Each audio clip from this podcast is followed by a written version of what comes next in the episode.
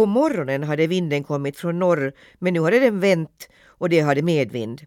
Färden gick så lugnt att det kändes som om det stod stilla i luften.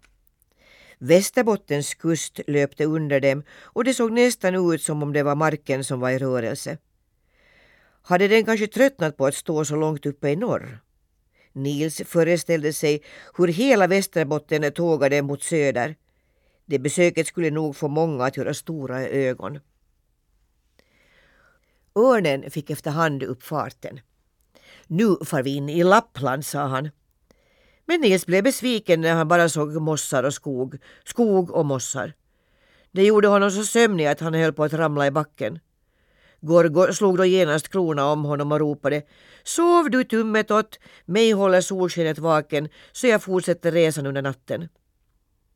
Så svingade han sig upp i rymden medan en älg förvånad såg efter dem.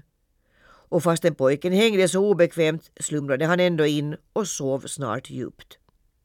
När han vaknade låg han ensam på botten av en stor fjälldal. Han reste sig och såg sig omkring. Då upptäckte han en besynnerlig byggnad av tallgrenar på en klippavsats. Det där är bestämt ett sådant örnrede som Gorgo han tänkte inte tanken till slut utan ryckte luvan av huvudet, svängde den och hurrade.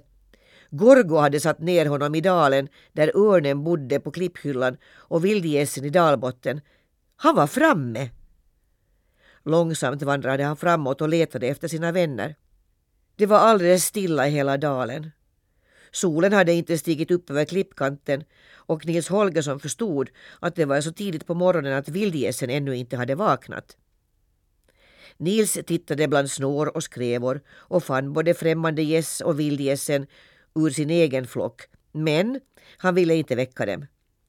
Inne i ett snår tyckte han sig se något vitt som lyste och hjärtat började dunka av glädje. Jo, sannerligen, där inne låg dunfin på ägg och bredvid stod den vita gåskalen. Fastän han sov syntes det på honom hur stolt han var över att vakta sin hustru uppe i de lapska fjällen. Men pojken väckte honom inte utan gick vidare. Och borta på en liten kulle märkte han något som liknade en grå tuva. När han kom närmare såg han att det var Akka från Kebnekaise som stod och höll vakt över dalen. God dag, mor Akka, sa pojken. Vad bra att ni är vaken. Väck nu inte de andra för jag vill tala ensam med er. Den gamla förargåsen störtade ner för kullen mot pojken. Först fattade hon tag i honom och ruskade honom, sen strök hon honom med näbben över ryggen och så ruskade hon honom igen. Men hon höll tyst för att inte väcka de andra. Nils kysste Akka på båda kinderna och berättade om hur han hade blivit förd till Skansen och hur han fann Gorgo ömklig och bedrövlig i örnburen. Först tänkte jag fila sönder ståltråden och släppa ut honom. Men sen tänkte jag på vilken farlig rövare och fågelätare han är.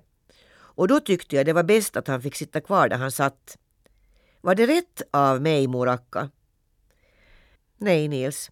Örnarna är mer stolta och frihetsälskande än de flesta andra djur och det går inte att hålla dem fångna.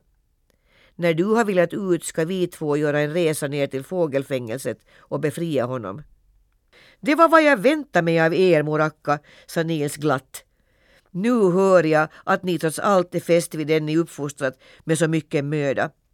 Och vill ni tacka den som eh, burit hit mig till er så träffar ni honom säkert uppe på klipphyllan där ni en gång fann en hjälplös örnunge.